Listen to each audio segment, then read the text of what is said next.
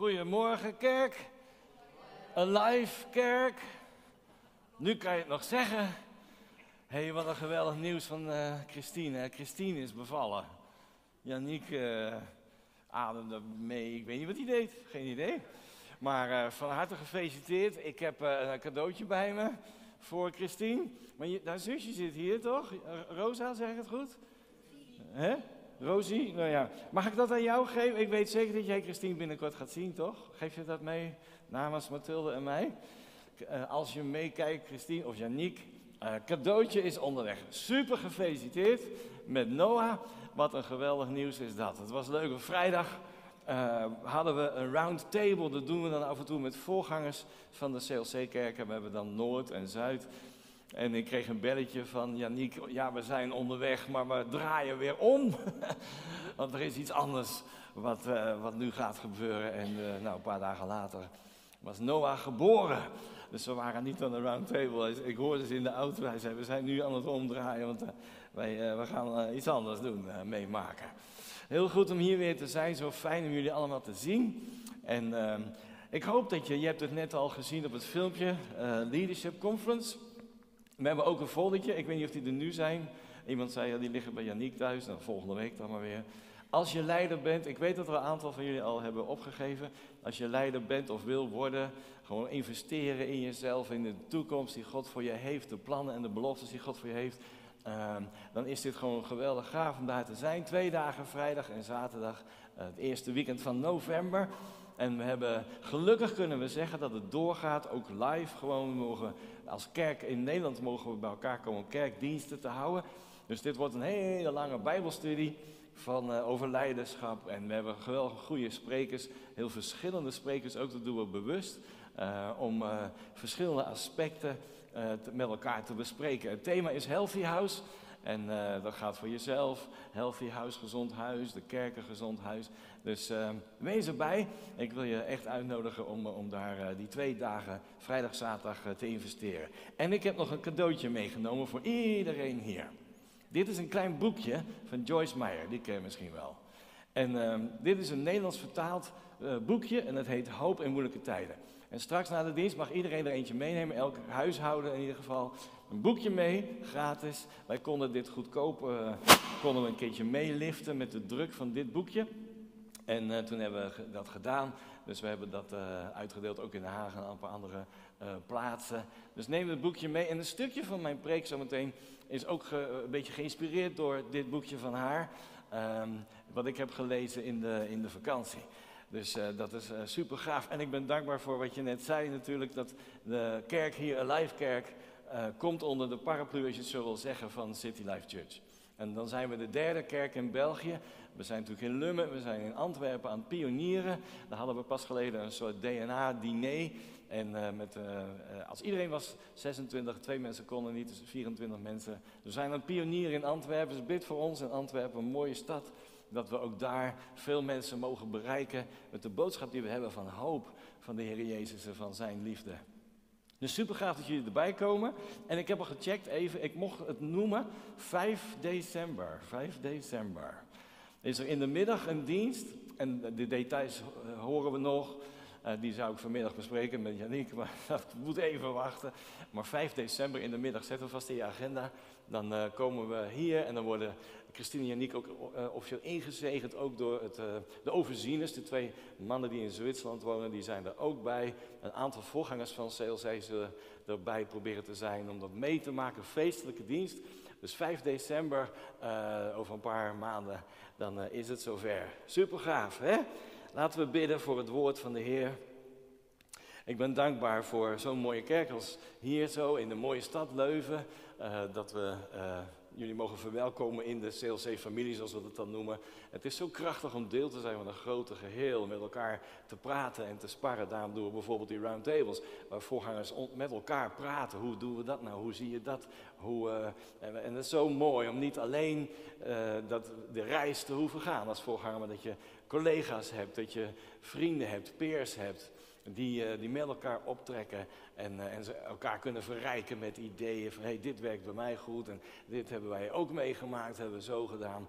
Het is zo mooi om dat met elkaar te doen. Vader, dank u wel, Heer, voor uw aanwezigheid in uw huis. Heer, we dragen het woord aan u op en we spreken uit ons denken is alert. Ons hart is open om te horen en te begrijpen wat de Heilige Geest wil spreken tot ons allemaal in dit woord in Jezus' naam. Amen. Ik heb het genoemd, zoals je al zag op het scherm, het, uh, het woord van vandaag, no drifting. No drifting. En het is eigenlijk uh, verbazend soms. We hebben natuurlijk een hele gekke tijd gehad met, met COVID en al die dingen. En, uh, en dat doet soms veel bij mensen. En, uh, ik hoop ook dat dokter Roby bijvoorbeeld op de conferentie zal die, hij is klinisch psycholoog, heel goed in het hoe werken de hersenen, hoe werkt het denken van mensen, hoe kan je dat sturen. Ik zie daar ook heel erg naar uit om, om hem te horen. Maar er gebeurt dan van alles. Ik merk het ook bij mezelf. Dat in je denken komt er een soort vage vaagheid. Waar gaat het heen? Wat moet ik? Er waren zoveel uh, onaangename verrassingen. Alleen omdat de kerken dicht moesten. Misschien heb je heel veel thuis moeten werken. Misschien heb je wel met de kinderen thuis scholing moeten doen. En al die dingen. En er, zoveel gebeurde er ineens in een korte tijd. Een heleboel zekerheden waren ineens niet meer zo zeker. En we wisten eigenlijk niet meer waar, waar gaat het heen.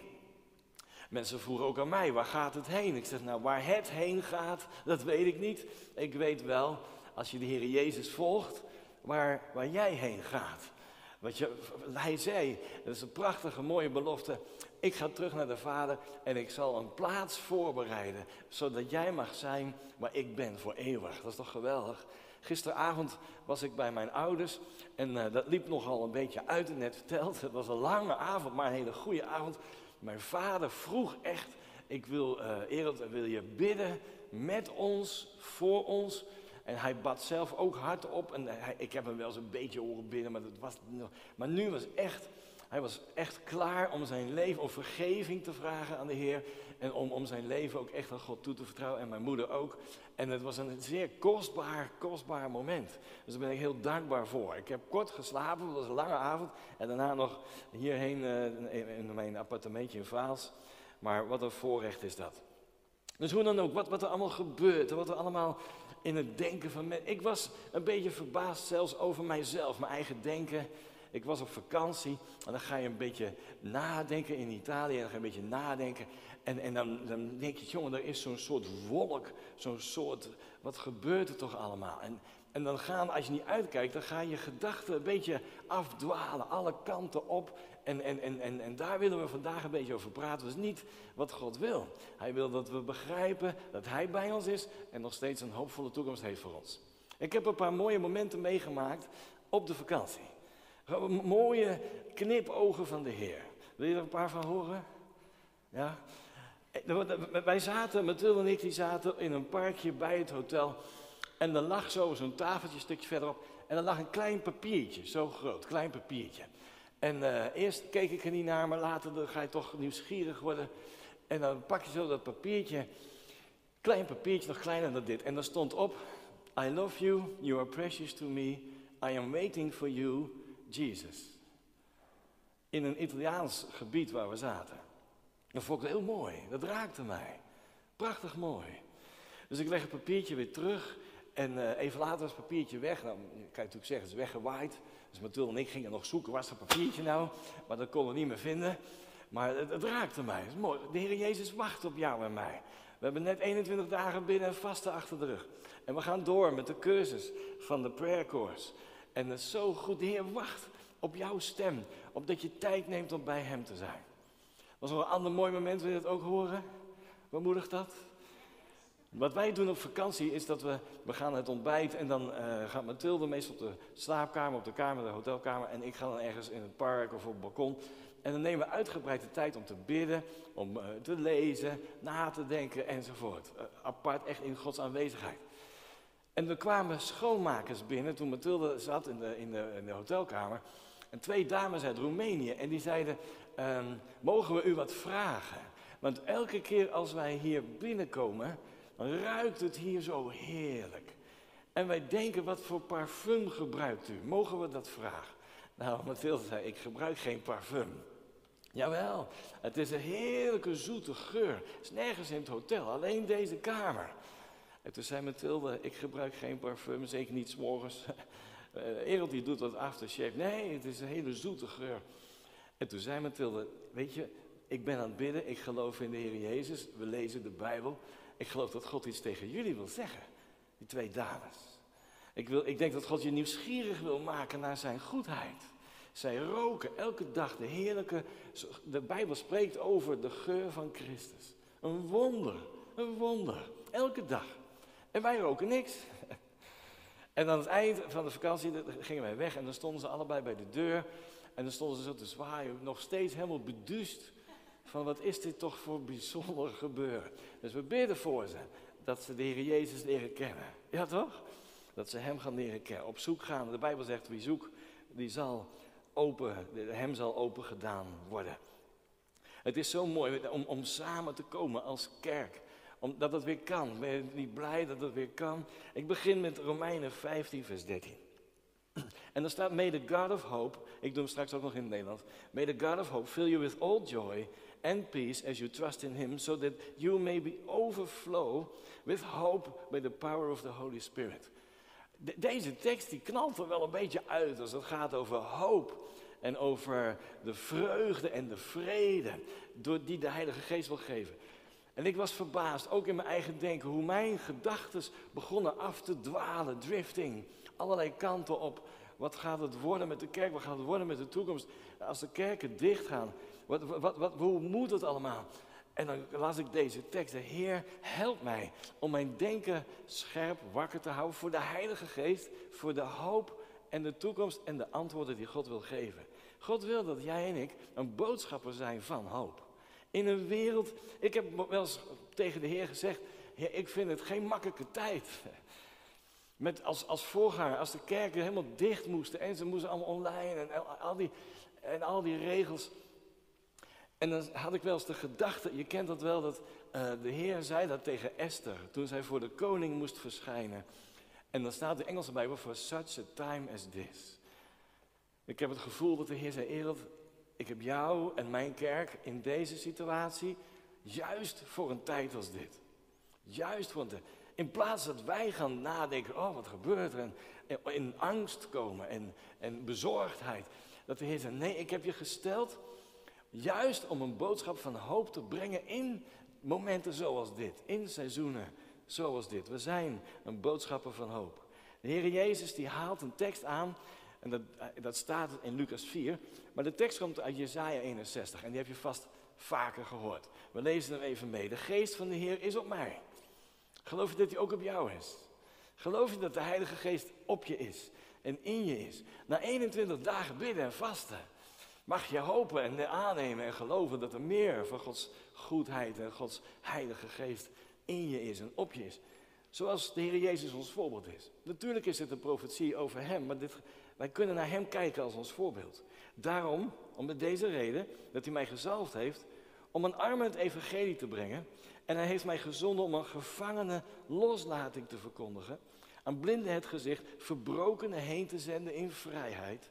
Om te verkondigen het aangename jaar van de Heer. In de Engelse Bijbel staat de year of the favor, de gunst, the favor of the Lord. Mathilde is al een hele tijd aan het bidden, elke dag. En dan zegt ze, Heer, ik geloof u voor de gunst van u op ons leven. En dan gebeuren er mooie dingen, zoals ik net vertelde van die twee dames. En, en, en dan, we krijgen net een heel mooi tafeltje. We waren aan het, langs de, de boulevard, we wonen vlak aan de zee. Alles was vol. Overal waar we naar binnen wilden, allemaal vol. En toen zei ik tegen Mathilde, helemaal aan het begin is er nog één restaurantje, die dan maar proberen. En er waren precies twee prachtige tafels aan de open haard. En dan zegt Mathilde, zie je, dat is de gunst van de Heer. Dus ik zei, blijf maar bidden voor die gunst, want dat bevalt me wel. De gunst van de Heer op je leven. De geest van de Heer is op ons. Hier in Psalm 42. De Bijbel is een goud eerlijk boek. En, er is altijd dat God heeft een hoopvolle toekomst. Hij, zijn plannen zijn goed met je. En toch leven we ook in een gevallen wereld. Mensen worden ziek, er gebeuren dingen die misschien niet allemaal niet van de Heer zijn. Maar we leven nog niet in het paradijs. We leven in een gevallen wereld. En er is die spanning tussen, hoe zit dat nou, die twee dingen? De Bijbel is daar goud eerlijk over. Hier in Psalm 42 vind je een tekst van David en dan staat het, wat buig je je neer om mijn ziel en wat ben je onrustig in mij. Hoop op God, want ik zal hem nog loven, mijn verlosser en mijn God. Dit herkende ik. Dat ik dacht, er is een onrustige uh, iets in mijn ziel. En dat je denkt, waar komt dat toch vandaan? Wat gebeurt er toch in je ziel, in je denken? En, en dan zegt eigenlijk hier de psalmist tegen zichzelf, tegen zijn eigen ziel, hoop op God. Stel je hoop op de Heer. Hij heeft nog steeds zijn, uh, le jouw leven in zijn handen. Heb je deze wel eens gehoord? I don't know what the future holds, but I do know who holds the future. Ik weet niet wat de toekomst brengt, maar ik weet wel wie mijn toekomst in zijn hand heeft. Hier staat het, waarom buig je je neer? Wat ben je toch onrustig? Hoop op de Heer. In dit boekje van Joyce Meyer, wat je dus allemaal gratis mee mag nemen straks, nadat bij de koffie ligt hij. In dit boekje schrijft zij hierover en ze vertelt iets, het is geen geheim, want het staat in het boekje. Zij is jarenlang misbruikt geweest uh, door haar vader tot en met haar veertiende jaar. Vreselijke achtergrond.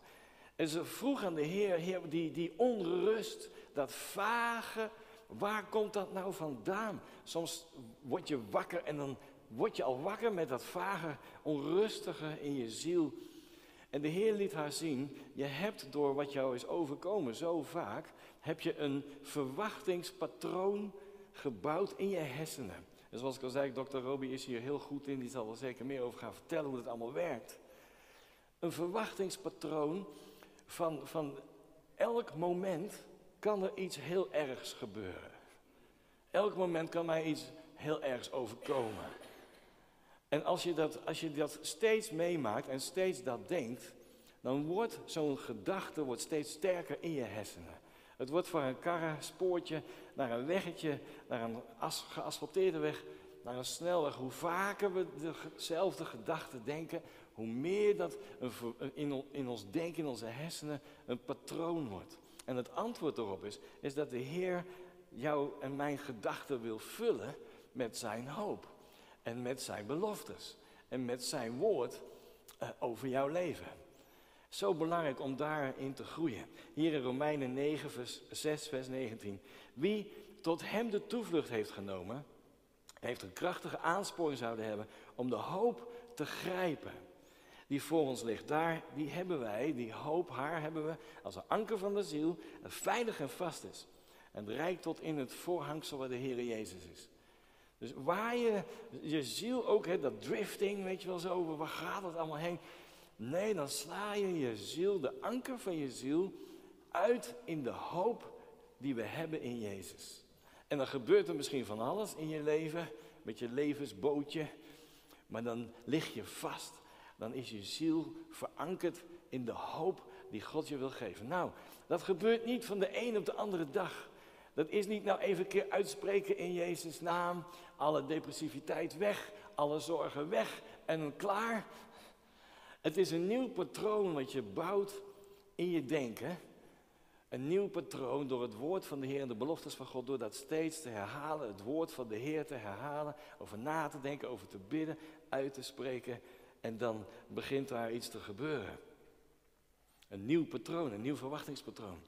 Ik hoorde deze, als je praat over verwachting, ik hoorde deze van Greg Rochelle. Sommigen van jullie kennen hem misschien, een voorganger in Amerika. En hij had het over de 80-20 regel.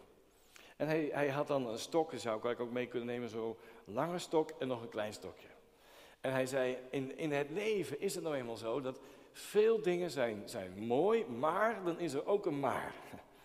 Dus ik ging op vakantie, maar mijn bril brak door midden. Dus dit is een nieuwe bril, dankjewel voor het compliment, mooi hè?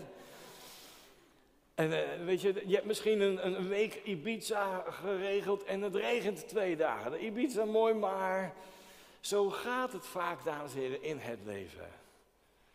En het is zo belangrijk dat wij onze verwachtingen reëel inzetten. Je hebt een goede baan gevonden, maar je manager is een kwal.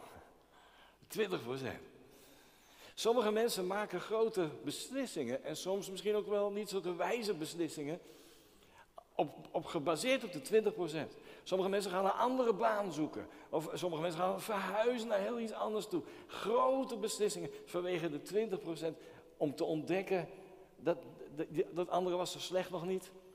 En ook daar waar je dan heen gaat is weer hetzelfde verhaal. Mooie dingen, maar er is ook iets wat je, wat je anders had verwacht. Je koopt een huis, maar het dak blijkt te lekken. Ah, ken je dat? Ik hoop het niet, maar het wordt, het wordt echt gevaarlijk als je kijkt naar de partnerkeuze. Je hebt een goede partner, je hebt een fijne partner, maar er is altijd iets wat je misschien anders had verwacht. En, en dan gaan, ga je kijken, dat hoop ik niet, maar sommige mensen gaan dan kijken naar iemand anders. Een andere partner, een andere persoon. En die heeft dat wel, wat je thuis mist. En sommige mensen maken dan grote beslissingen, soms foute beslissingen, door die 80% al het goede los te laten en erin te duiken om te ontdekken dat vervolgens dat patroon zich natuurlijk weer herhaalt. Het geldt eigenlijk bij alles. Dit is een fantastische kerk. Maar, ja, dat ga ik niet invullen. Ik, zie niks wat niet, maar je zal wel wat kunnen bedenken, neem ik aan, kunnen noemen. Snap je hoe dat werkt? Als je je verwachtingen reëel instelt, dan, uh, dan, dan, dan, kom je niet zo in die teleurstellingen terecht. Ik, ik, ga even springen naar mijn laatste tekst voor nu. Um, als je kijkt naar Spreuken 29. Daar wil ik nog even heen in het laatste stukje.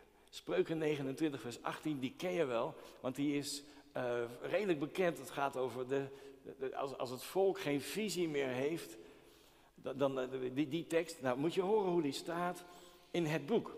Als het, uh, volk, als het volk van God de, Gods boodschap niet meer hoort, dan raakt het uit de koers. Daar heb je no drifting. Dan heb je die drifting. Als het volk van God Gods boodschap niet meer hoort, dan raakt het uit koers. In de message staat hier ook heel bijzonder. If people cannot see what God is doing.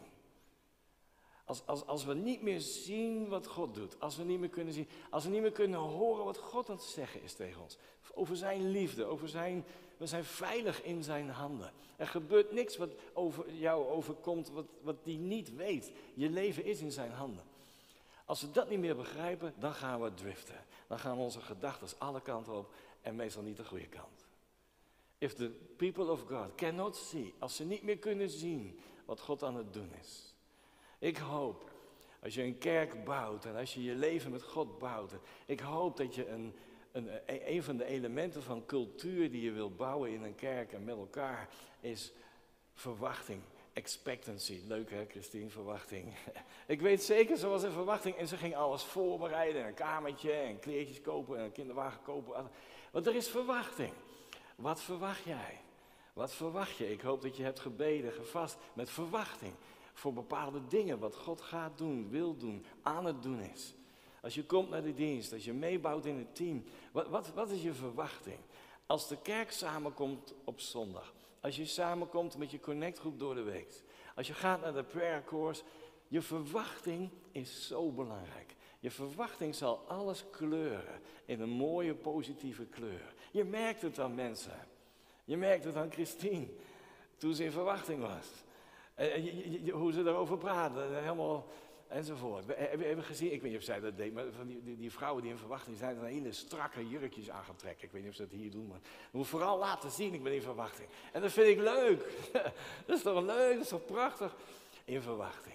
Ik hoop dat je in verwachting bent in je spirit. Dat je hier, nu, in een gekke wereld, waar van alles gebeurt, dat God ons heeft gesteld, for such a time as this om de boodschap van hoop en Gods liefde te brengen in de wereld rondom ons, hier in dat mooie Leuven en omgeving, dat we de hoop van de Heer mogen brengen.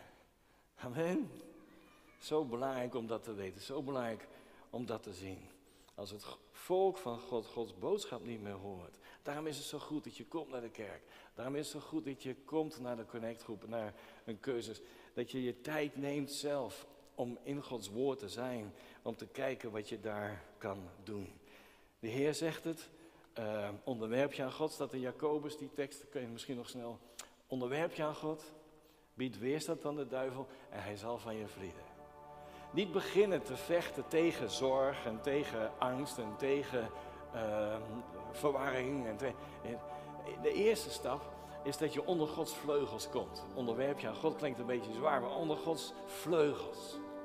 Onder zijn bescherming. En dat je, dat je zegt, Heer, ik, ik wil graag onder uw vleugels. En dan vult de Heer met zijn liefde en vrede. En dat begint te groeien, de Heilige Geest, wat we lazen in het begin van het woord. En dan is er kracht om nee te zeggen tegen angst, om nee te zeggen tegen verwarring, om nee te zeggen tegen bezorgdheid. Maar vanuit je relatie met God. Zullen we met elkaar? Vader, dank u wel, Heer, voor uw woord. Dank u wel voor iedereen hier en iedereen die meekijkt op de livestream. We zegenen elkaar. Dat we mogen zien wat u aan het doen bent. We mogen horen wat u zegt tegen ons. Dat we ons niet laten overweldigen, maar dat ons denken wordt gevuld met uw goedheid, met uw woorden, met uw beloftes, met uw hoopvolle toekomst. Onze ogen zijn op u gericht, Heer Jezus. U bent goed en u doet goed. Help ons om ons steeds daar weer mee te vullen. Ons denken te vernieuwen met alles wat u ons geeft. In Jezus' naam. In Jezus' naam. Amen.